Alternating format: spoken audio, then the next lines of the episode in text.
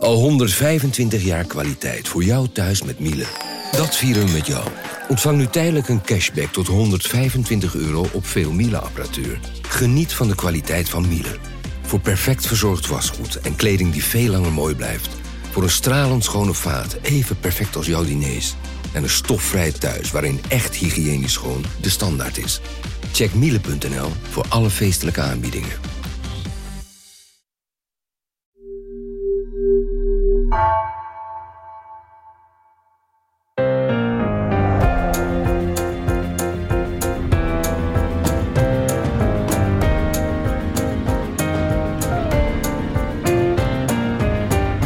Is Haagse Zaken van NRC. Mijn naam is Floor Boon. Vertrouwen. Het is een belangrijke voorwaarde voor een stevige democratie. Vertrouwen van burgers in politiek en instituties zoals de rechtspraak. Vertrouwen in de media. En onderling vertrouwen tussen Tweede Kamer en kabinet. Maar het vertrouwen van burgers in de politiek neemt af.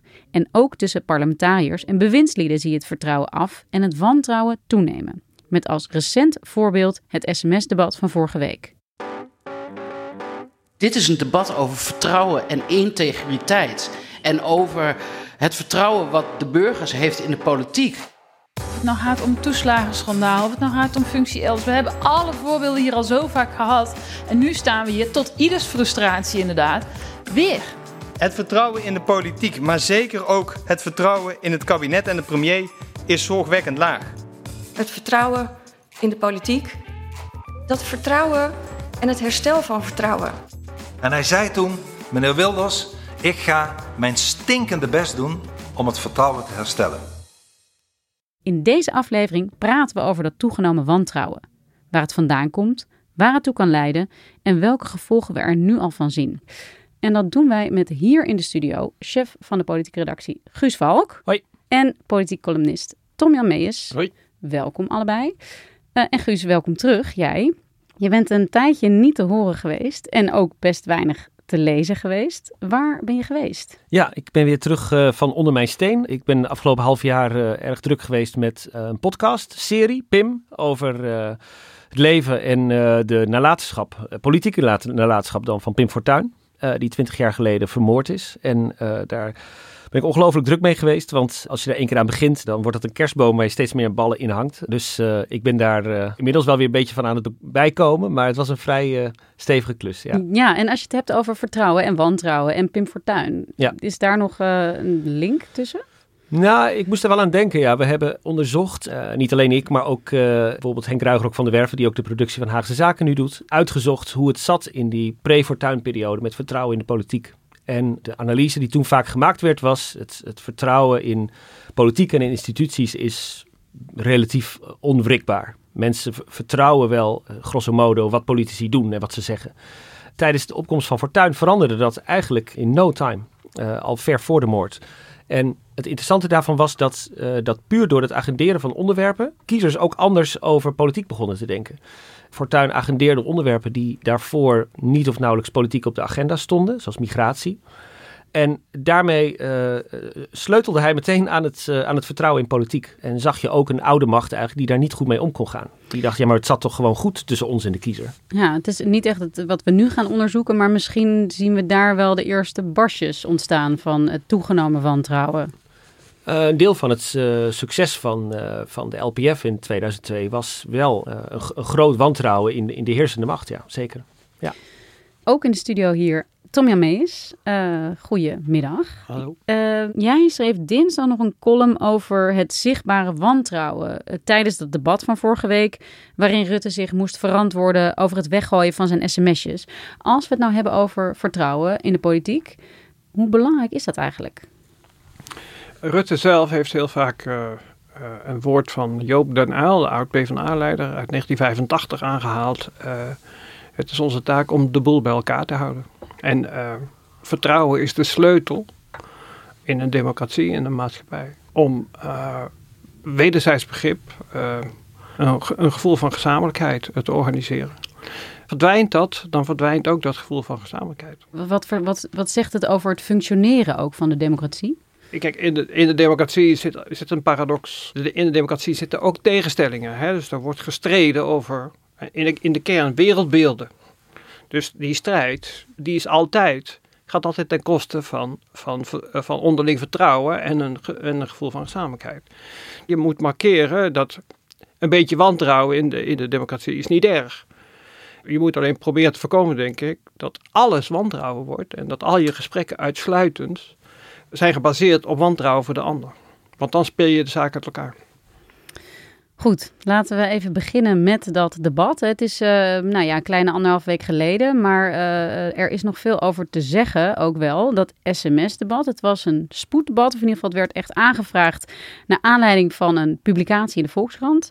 Daaruit bleek dat Rutte ja, de afgelopen jaren zelf had beoordeeld welke van zijn berichten bewaard konden worden en welke niet op zijn oude Nokia-telefoon. Daar kon hij maar 20 sms'jes opslaan. Dus ja, gooide hij heel veel weg, waarvan hij dacht allemaal niet belangrijk. En wat hij wel belangrijk achtte, dat belde hij door. Guus, kan jij even uh, schetsen waar dat debat verder in de kern om draaide?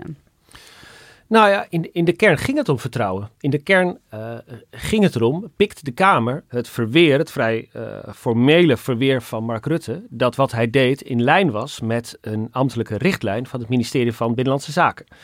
Of uh, was hij hier, in lijn met eerdere kwesties waar de Kamer een enorm punt van heeft gemaakt, iets zeg maar Rutteaans aan het toedekken. Dus het was eigenlijk een debat dat vooral waarin de Kamer eigenlijk een beetje op, uh, nou, ik zou zeggen op onderzoek ging, maar eigenlijk hadden een heleboel de conclusie natuurlijk al lang klaar. Uh, probeerde uit te vinden of, hier sprake was van fundamenteel iets, dat hier fundamenteel iets mis was, of dat hier uh, ja, een redelijke verklaring voor was. Dus daar ging het in de eerste instantie denk ik vooral over. Ja, want misschien is het wel goed heel even te schetsen. Je zegt een ambtelijke richtlijn. er bestaat ook zoiets als de archiefwet. Hè, van mensen, ja. bewindslieden en, en, en eigenlijk de ambtenarij zijn verplicht om ja, zaken die te maken hebben met het bestuur te bewaren zodat ja, burgers hebben recht op informatie en dat moeten zij kunnen opvragen. Kun ja. jij dat een beetje toelichten hoe dat zit? Ja, er zijn een paar dingen inderdaad. Uh, er is de archiefwet. Die is al opgesteld ver voordat er überhaupt sprake was van sms en WhatsApp. Maar in ieder geval, daar uh, staat inderdaad dat documenten per definitie eigenlijk bewaard zouden moeten worden. De archiefwet snapt ook dat niet alles bewaard kan worden wat er ook maar is. Je kunt niet iedere ambtelijke krabbel uh, tot in eeuwigheid bewaren. Dus uh, er mag wel degelijk geschift worden. Maar daar is een soort van selectielijst voor nodig. En die selectielijst moet openbaar zijn en voor iedereen in te zien. Zodat iedereen kan beoordelen van ja oké, dit, is, dit is redelijk. Alleen op basis zeg maar, van die lijst zou je dus een sms'je mogen verwijderen. Wat Rutte zegt is ja ho even, er is ook een richtlijn. Die eigenlijk bedoeld is als een soort van uh, poging voor, voor, voor iedereen die in, de, in het bestuur of, of, ambtenarij werkt. Om te weten hoe moet ik omgaan met sms-verkeer. Want uh, wat valt onder de WOP en wat niet? Wat mag ik weggooien, wat niet? Mag ik een privételefoon gebruiken? Mag ik vanuit mijn vakantieadres uh, mailtjes sturen? Enzovoort. Die richtlijn is eigenlijk een hele praktische handleiding hoe om te gaan met ambtelijk communicatieverkeer. In die richtlijn staat inderdaad dat je als ontvanger of zender van, van sms'jes of WhatsApp-berichten of wat dan ook, inderdaad mag deleten. Maar staat erbij, uh, vermijd überhaupt dat je daaraan toekomt. Zeg maar. Doe dit gewoon niet. Ga niet besluitvormingsdingen via sms en WhatsApp regelen. Oh, dus ze zeggen eigenlijk, of in die richtlijn staat eigenlijk, zorg dat het überhaupt niet ja. in, die, in dat berichtverkeer terechtkomt. Ja. Maar als het er terechtkomt, dan mag je het best verwijderen als jij dat noodzakelijk Onder acht. voorwaarden, ja. Uh, misschien is het ook wel even goed te vermelden dat uh, vroeger, uh, nog niet zo heel lang geleden, was sms en appverkeer helemaal geen onderdeel eigenlijk van die wet openbaarheid bestuur. Dat is pas een jaar of drie geleden via een uitspraak van de Raad van State vastgelegd dat ja, als jij ook als journalist of als burger of als wat voor een instantie dan ook een, een WOP-verzoek indient, dus zegt maar ik wil informatie, dat je dan ook dat digitale verkeer mag inzien. Ja. Wat zeg jij Tom-Jan bij het kijken? Ik, ik keek een beetje verrast of soms verbaasd naar dat debat, eerlijk gezegd. Want uh, wat, wat Guus net zei, klopt allemaal. Het gaat niet om. Hij strikt genomen, het mag. Het is natuurlijk een uitgangspunt van het openbaar bestuur dat de premier weet wat de regels zijn. Dus dat is niet zo bijzonder. Ja. Het gaat er natuurlijk om, uh, komt hij na wat in het openbare debat door hemzelf en door de Tweede Kamer is gemarkeerd als essentieel voor het verkeer tussen kabinet en Kamer. Hier heb je twee, in mijn ogen, elementaire criteria. Het eerste is de val van het kabinet Rutte 3 over de toeslagenaffaire. Waarbij speelde, uh, uit, gebaseerd op onderzoek van de Tweede Kamer zelf, dat de informatievoorziening van het kabinet aan de Kamer uh, fundamenteel schort. Tekort komt eigenlijk. En het tweede, het debat op 1 april vorig jaar naar aanleiding van uh, Pieter Omtzigt's functie elders. Waarin bleek dat Rutte ook zijn korte termijn geheugen, hè, het ging over een gesprek dat hij had gehad met verkenners twee of drie weken eerder, uh, schortte. Dus dat hij had weersproken gesproken te hebben over uh, Pieter Omtzigt in de formatie, terwijl hij dat wel had gedaan. En op basis van die beide vrij grote gebeurtenissen uh, zijn er door de premier vergaande toezeggingen gedaan over informatievoorziening aan de Kamer en over borgen dat de informatie die bestaat, dat die beschikbaar komt voor de democratie en voor de burgerij. Nou, leg die twee zaken nou even naast wat daar gebeurt met een premier die losjes, uh, ja, klaarblijkelijk elke dag uh, sms'jes zit weg te gooien. En ook zelf beslist, hè? En zelf beslist, en, en waarbij ook elementair is dat in de Tweede Kamer door zijn eigen partij, de VVD, is gezegd dat dat kwetsbaar is. Hè, die keuze om dat zelf te doen. Dus ja, ik vond wel dat je echt, los van het feit dat hij het allemaal binnen de regels heeft gedaan, gewoon een goed debat kon voeren over de vraag: uh, is dit nou de bedoeling? Kon de, de burger op grond van wat er is gebeurd in het afgelopen anderhalf jaar redelijkerwijs ervan uitgaan dat hij dit nog steeds deed? Dat debat was dus aangevaard door de oppositie. Hoe reageerde Rutte daar? Ik vond het interessant aan dat debat dat uh, je legt terecht al verbanden met, het, met uh, de toeslagenaffaire en met uh, functie elders keer op keer als hij werd bevraagd op het patroon, zal ik maar zeggen, dat hij altijd zei van ho ho, maar, maar dat, is, dat is echt onredelijk, dat kun je niet doen.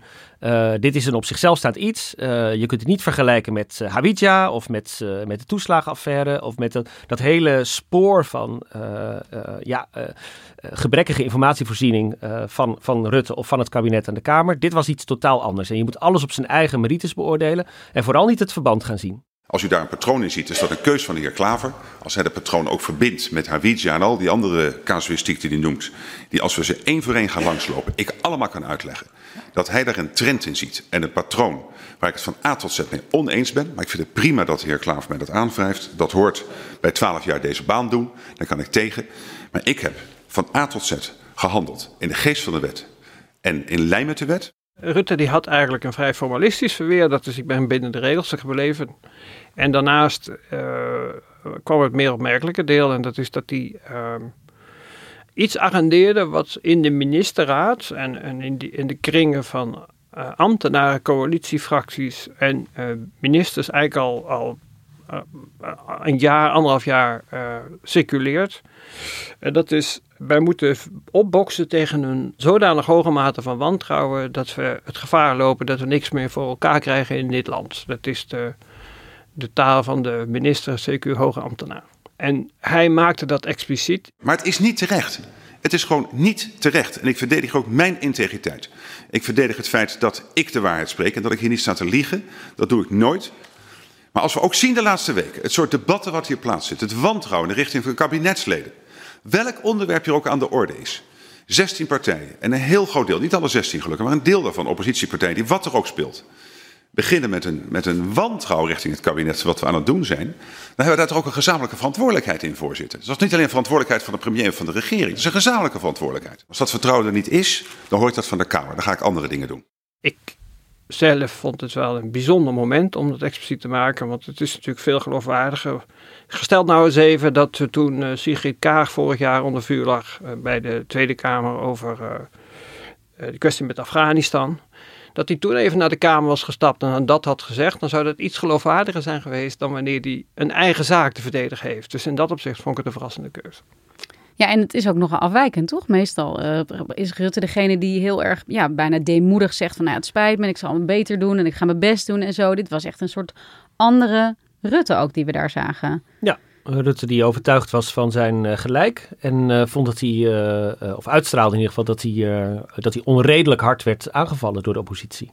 Ja, werd hij dat ook? nou ja, dat, dat, kijk, hoe ik naar het debat keek, vond ik van niet. Want dit gaat wel om een fundamentele kwestie. Dit gaat over uh, openheid. Dit gaat over de beloofde openheid van informatie. Het, het, zwakke punt in het premierschap van Rutte, in ieder geval de afgelopen uh, drie, vier jaar. Uh, de jaren dat ik weer in, in Den Haag rondloop. En Het is niet gek dat de Kamer daar hem niet op zijn blauwe ogen gelooft en, en daarop doorvraagt. Ook omdat hij zelf zo vaak, wat Tom Jan net zei, zo vaak verbetering heeft beloofd. Staat notabene in het regeerakkoord dat ze dit beter gaan doen. Ja, dan mag je toch wel iemand daaraan houden. Dit lijkt me een essentieel punt in, in het werken van de democratie. Dus dat hij er een, een soort nog groter metapunt van maakte en zei van wat jullie doen is, is, is uiteindelijk ook schadelijk eigenlijk voor het vertrouwen in politiek. Daarvan dacht ik, ja maar ho even, wat, wat hij doet is nog veel schadelijker uiteindelijk.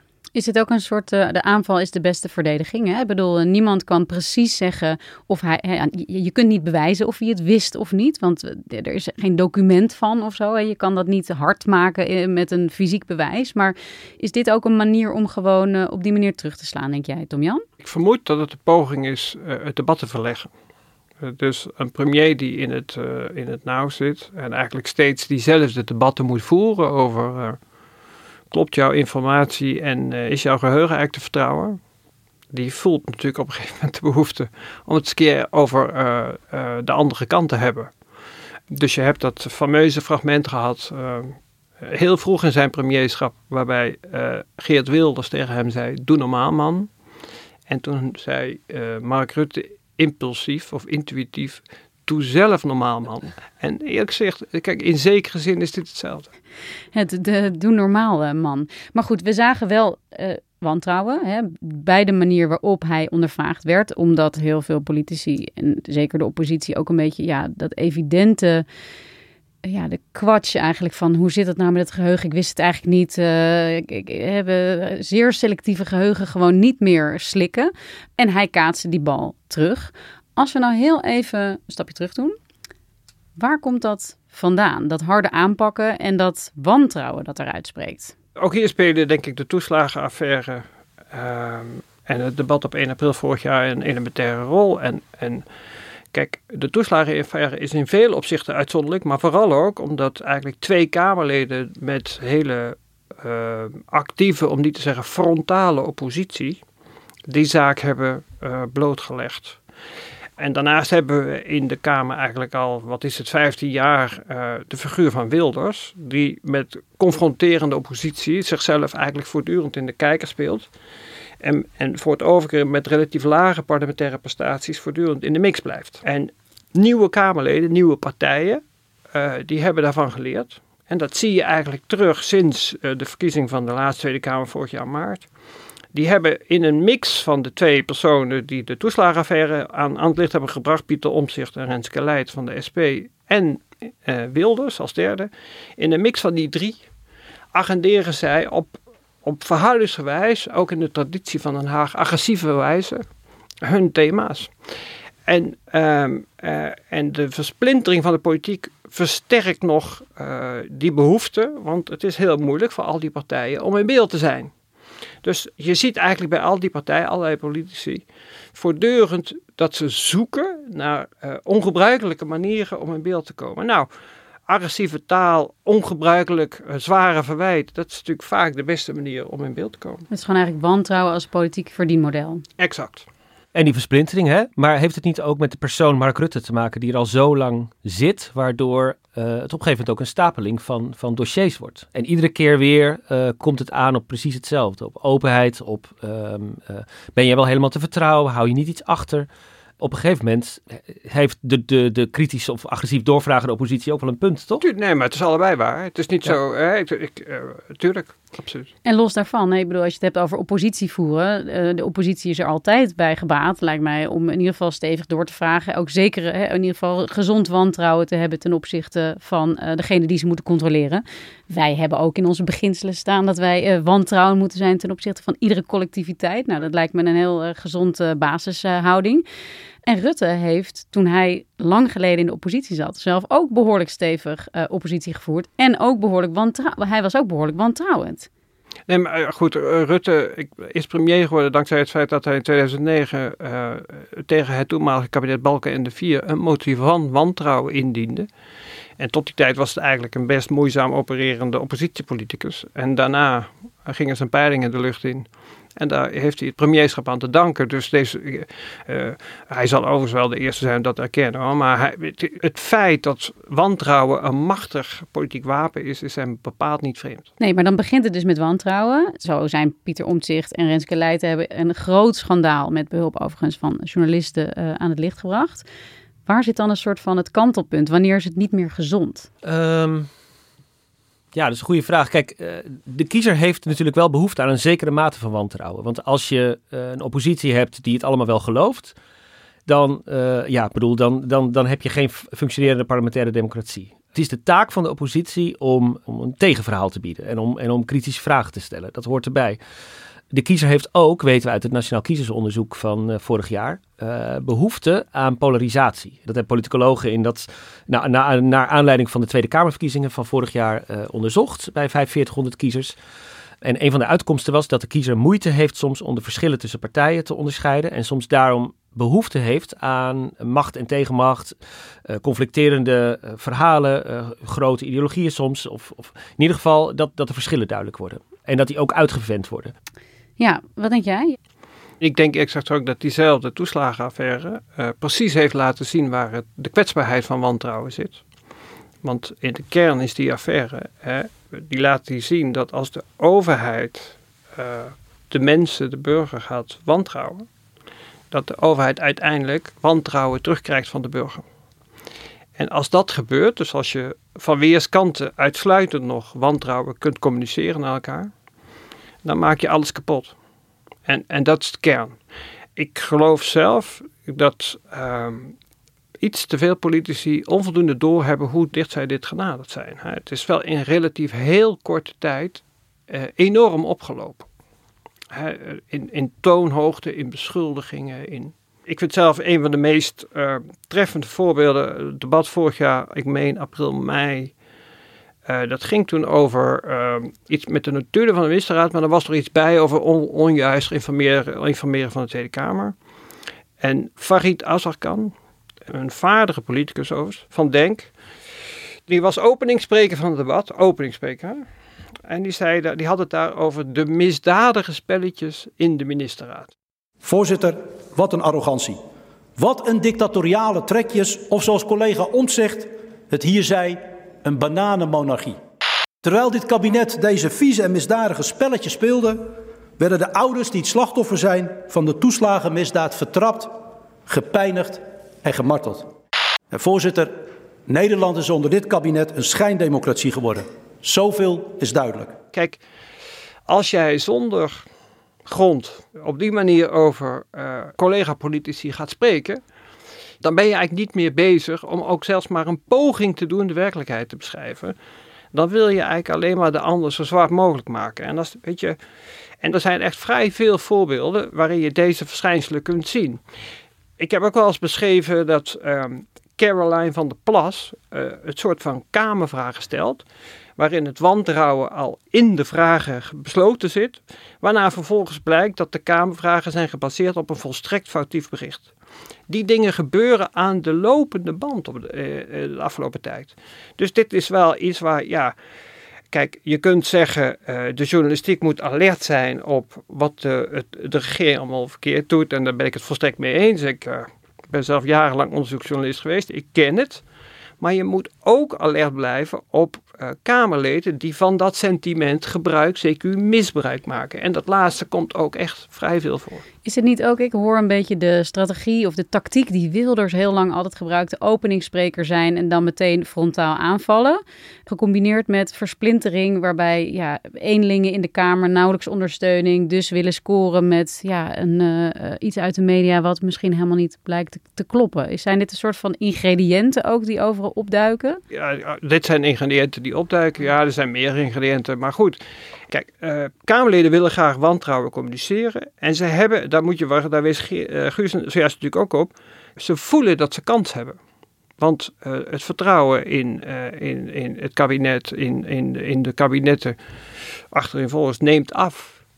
Dus zoals Rutte in 2009 kans zag om het lage vertrouwen in Balken en de Vier uit te spelen, zo voelen die Kamerleden dat nu ook. Alleen de middelen die worden wel steeds grover, dat kun je vaststellen. En wat zijn daar de gevolgen van als je in ieder geval kijkt naar de gevolgen voor de maatschappij? Ehm, er komt natuurlijk een moment dat het een moddergevecht wordt, of nog erger, dat het een zero-sum game wordt. Als dit jouw verhaal is, dan is dat automatisch mijn verhaal. Als jij uh, A vindt, dan vind ik automatisch B. Alles wat goed is voor de tegenpartij is per definitie slecht voor jou, dus daar moet je per definitie tegen zijn. Dus dat denk ik is in de eerste plaats het gevolg. En waar zie je het allemaal? Want we hebben het nu heel erg natuurlijk over hè, wat er dus in de Kamer, kabinet gebeurt eigenlijk. Uh, de, de, versplintering, al die partijen die het gebruiken. Maar uh, straalt het ook af op het vertrouwen dat burgers hebben, bijvoorbeeld in de politiek? Nou ja, ik zou bijna zeggen dat dat kan bijna niet anders. Um, uh, Zo'n sms-debat is, ook niet, is ook niet erg vertrouwenwekkend uiteindelijk om, om te zien. En om, en om het, het, het, het, het modder gooien en het, en het uiteindelijk ook, uh, het, het, ja, ook weer Rutteaanse uh, woordspel uiteindelijk. Had hij zich nou wel of niet precies aan de regels gehouden? Um, al met al is dat natuurlijk ook geen vertrouwenwekkend uh, iets. En over vertrouwen in de politiek zijn inderdaad wel verontrustende onderzoeken gedaan. We weten dat dat afneemt, flink afneemt ook de laatste tijd. Dat heeft ook te maken met een, met een soort vreemde coronapiek die er is geweest. In de coronatijd, uh, met name de beginmaanden, was, uh, steeg het vertrouwen opeens in politici en in bestuurders enorm. Mensen begonnen uh, tijdelijk in ieder geval al hun sceptisch te laten varen. dat is heel hard weer gedaald de afgelopen anderhalf, twee jaar. En het is inmiddels op het niveau van, van voor 2020 of nog net ietsje lager. En de trend is wel duidelijk omlaag aan het gaan. Oké, dat, dat daalt. Hè. Als je het hebt over degene die dat misschien uh, uh, kunnen herstellen. Moet ik toch zeggen, kijk toch weer naar de premier, Mark Rutte. Staat ook normaal gesproken bekend als wel een verbinder. Wat is zijn verantwoordelijkheid als je het hebt over het herstellen van vertrouwen? Ja, kijk, volgens mij moet je dan even teruggaan naar kijk, wat er is gebeurd na het uh, 1 april debat, hè, functioneel, uh, omzicht functioneel, uh, Pieter omzicht sorry. Um, daar krijgt hij een motie van afkeuring van de Tweede Kamer aan de broek.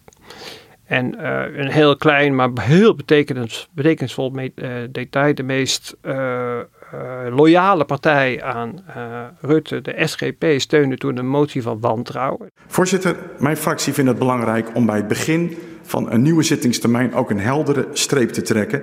En daarom is het met pijn in het hart dat wij op deze donkere Goede Vrijdag zowel steun zullen uitspreken geven aan de motie van wantrouwen als aan de motie van afkeuring. Het was een, een heel belangrijk signaal, was in de geschiedenis van die partij ook nog weinig gebeurd. Dat geeft goed aan hoe hoog de spanning toen was. En het premierschap van Rutte heeft toen echt gewankeld. Ook omdat Gert-Jan Segers daarna zijn vertrouwen in samenwerking met Rutte opzegde. En hij had eigenlijk geen meerderheid meer om premier te blijven. En ogenschijnlijk werd hij toen nederig. Dat was in zijn publieke uitingen. Maar in de praktijk van de binnenkamer bleef hij even uh, hard als hij uh, vaak kan zijn. En wat hij deed was eigenlijk twee dingen. Hij zei, uh, ik blijf premierskandidaat. Hoewel je best de vraag kan stellen, is dat nou eigenlijk in het belang van het land? Want jij hebt op dit moment niet de steun van de meerderheid van de Tweede Kamer, dus moet, moet je dat doen. Maar bovendien, hij wilde absoluut doorgaan met de toen bestaande coalitie. Daar heeft hij wel genuanceerde posities over ingenomen in gedurende die maanden, maar uiteindelijk wilde hij dat in de wetenschap dat uh, de tweede partij, uh, D66, een andere coalitie wilde. En het fundamentele voordeel, zeker op dit moment, is dat heel erg van belang van de voorkeur van D66 was, domweg, dat die coalitie een meerderheid in de Eerste Kamer had. En wat is daar nou zo elementair aan? Als jij een, als coalitie een meerderheid in de Tweede en de Eerste Kamer hebt, dan is de oppositie relatief onbelangrijk. Heb je die niet, dan ben je afhankelijk gedeeltelijk van de oppositie. En onder die omstandigheden, zoals die vorige week deed, de aanval op de oppositie te openen, is natuurlijk eigenlijk uh, uitermate merkwaardig. Want welk belang dient hij hier nou? Kunnen we dat rationaliseren? Nou, je kunt misschien denken, ja, hij, het is goed voor de beeldvorming of, of zoiets. En dat zal een rol hebben gespeeld. Maar met het oog op de consistentie van de, van de huidige coalitie is het volkomen logisch. Ja, het roept natuurlijk ook een beetje de vraag op, was, dit, uh, was zijn reactie donderdag in dat debat, was het een beetje uh, wat er gebeurde? Hè? Kon hij zich niet beheersen of was het uh, strategie? Mijn ervaring was dat mensen in zijn omgeving, zoals, je, zoals het dan gaat, die spreek je, uh, die zeiden daar hele wisselende dingen over. Dus ik, ik durf daar eerlijk gezegd geen, uh, geen uitspraak met zekerheid over te doen. Wat we wel weten is dat niet heel erg veel aan de toevalligheid wordt overgelaten in, uh, bij de VVD. En wat me ook opviel was bij dat debat dat op, een soort van, in een soort van golf van uh, VVD'ers uh, uh, juichend begonnen te twitteren over, het, over het, de inbreng van de premier. bijvoorbeeld Ton Elias, lees ik even voor, dus, is maar een voorbeeld hoor. Rutte zelden zo gezien, zeer geloofwaardig, had deze streep al eerder moeten trekken.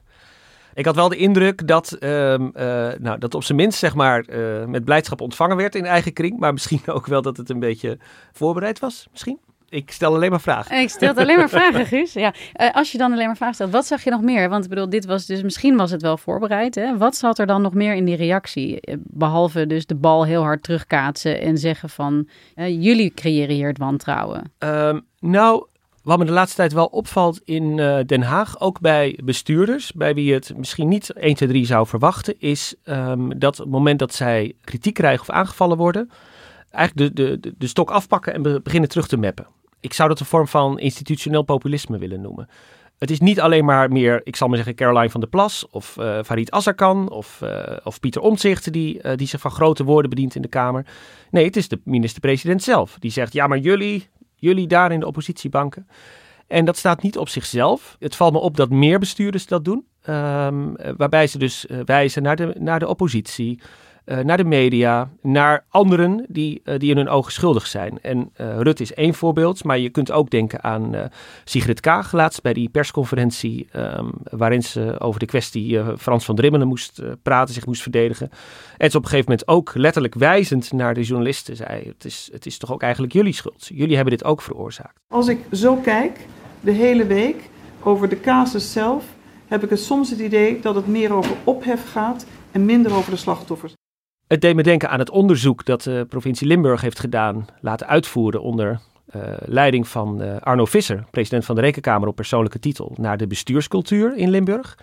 Dat was ook een, manier van, want dat was uiteindelijk een grote aanklacht, eigenlijk ook tegen de media, NRC ook, die, die de boel veel te veel opliezen ook een manier om, waarin ze zich eigenlijk bedienden van, van de, de, de wapens die de tegenstander heeft, tussen aanhalingstekens, om terug te slaan. Dat valt mij de laatste maanden heel erg op. Dat, uh, dat ik het gevoel heb dat de instituties misschien uit een soort angst, misschien uit een soort uh, hun eigen wantrouwen, het gevoel hebben van we pikken dit niet langer. Maar het is terugslaan en tegelijkertijd heel erg sterk dus dat wantrouwen voeden in ieder geval de maatschappij. Zorgen dat alles en iedereen verdacht wordt zeker, gemaakt. Verwarring zaaien. Ja, nee, zeker. Want zo'n onderzoek naar de bestuurscultuur... of, of, of zo'n opmerking van Kaag of zo'n opmerking van Rutte... Um, is inderdaad bedoeld om andere instituties... die ook de democratie stutten, zoals de media of de oppositie... Uh, te beschadigen. Het wringt toch ook wel, want uh, bijvoorbeeld Rutte is iemand die zegt altijd hoe hoog hij het vertrouwen in het vaandel heeft staan, dat het zo belangrijk is, de democratie en zo. En dat eigenlijk juist hij hier misschien bewust of niet helemaal, dat weten we niet precies, maar daar eigenlijk zo nadrukkelijk ook aan meedoet. Nou, het is wel in die zin um, vind ik de tendens wel griezelig. Van, uh, we, we, zijn lang niet in een low trust society, zal ik maar zeggen. In een, in een maatschappij waarin uh, wantrouwen het uitgangspunt is, zoals bijvoorbeeld de Verenigde Staten. Uh, waar geen enkel vertrouwen is in media, in de rechterlijke macht, uh, congres, president enzovoort. Daar zijn we nog niet. Want leg eens uit, wat, wat, wat, wat betekent dat als je daarin leeft? Wat, wat zijn de gevolgen of wat betekent zo'n low trust society voor de mensen die er wonen bijvoorbeeld en voor de politiek die er wordt bedreven? Ik denk in eerste instantie vooral hyper-individualisme. Dus dat je, dat je niet kan ehm, terugvallen op een institutie of op een, of op een kerk of op een maatschappelijke organisatie of op een vakbond of, um, of, of wat dan ook. Een low trust society betekent uiteindelijk dat, dat, jij, dat, dat, dat jij als burger um, over het algemeen weinig het gevoel hebt dat, dat de instituties er voor jou zijn. Nou, daar zijn we in Nederland nog niet. Het interessante is dat het vertrouwen in instituties eigenlijk best hoog is en hoog blijft. Bleek ook laatst uit CBS-cijfers. Uh, Alleen, het vertrouwen in politiek is heel hard aan het dalen. Dus daar, daar is het echt mis aan het gaan. Tom-Jan, wat zie jij als uh, ge gevaar misschien, of in ieder geval als de gevolgen hiervan die dit teweeg kan brengen? Nou, kijk, wat er eigenlijk gaande is, is dat uh, in de politiek althans, uh, dat kabinet en Kamer uh, frontaal tegenover elkaar zijn komen te staan. En dat heel veel debatten uiteindelijk in zich dragen dat Den Haag bederf aan de maatschappij communiceert. Dus Dat is een neerwaartse spiraal en iemand moet dat doorbreken. Het is heel onverstandig om dit al te lang te laten voortbestaan. En het is onder deze omstandigheden in de eerste plaats aan uh, uh, de eerste onder zijn gelijke, de minister-president, om een initiatief te nemen om uit deze negatieve spiraal te komen. Om te laten zien dat hij uh, bereid is, meer dan hij de afgelopen tijd heeft laten zien, om toch wel naar de overkant te reiken. In zijn wereld wordt dan gezegd ja, maar dat willen ze juist niet, dus daar is geen begin aan. Maar als je er zo in staat, dan laat je het gebeuren en dan laat je uh, de wond dooretteren. Wat zou dat nu kunnen betekenen bijvoorbeeld voor de coalitie die we nu hebben en de tijd waarin we nu leven? Uh, Rutte heeft eerder in, onder dit soms omstandigheden gezeten, waarin hij gewoon eigenlijk uh, klem zat door uh, verweer van de oppositie. Het was in een minder gepolariseerde situatie, maar onder Rutte 2 is dit geweest dat hij meerderheden moest zoeken bij, met hulp van de oppositie. En kijk, zo'n premier hoeft dat niet per se zelf te doen, maar dan moet hij de omstandigheden creëren waarin je uit deze negatieve spiraal komt. En uiteindelijk, weet je, iemand, ja, ik noem maar hoor, want het is, uh, dit bedenk ik je ter plekke, maar iemand als Pieter Omzicht is een politicus afkomstig uit het CDA. Dat is van nature niet uh, de meest hemelbestormende figuur.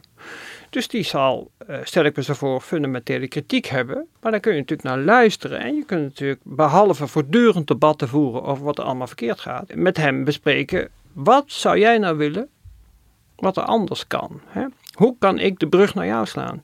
En, en, en dat kan met een heleboel andere politici. Kijk, die, die mensen, de, uh, er zitten uiteindelijk vrij veel partijen met een constructief hart in die Tweede Kamer. En dat constructieve hart moet je aanspreken.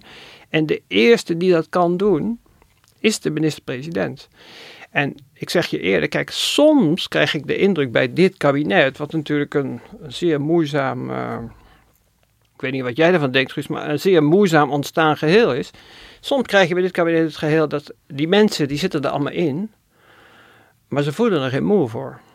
En daardoor is het eigenlijk een kabinet dat van niemand is en zelfs de minister-president doet alsof hij er niet bij hoort. En dat veroorzaakt dit ook. Kijk, als mensen een regering niet willen dragen, moeten ze ermee ophouden.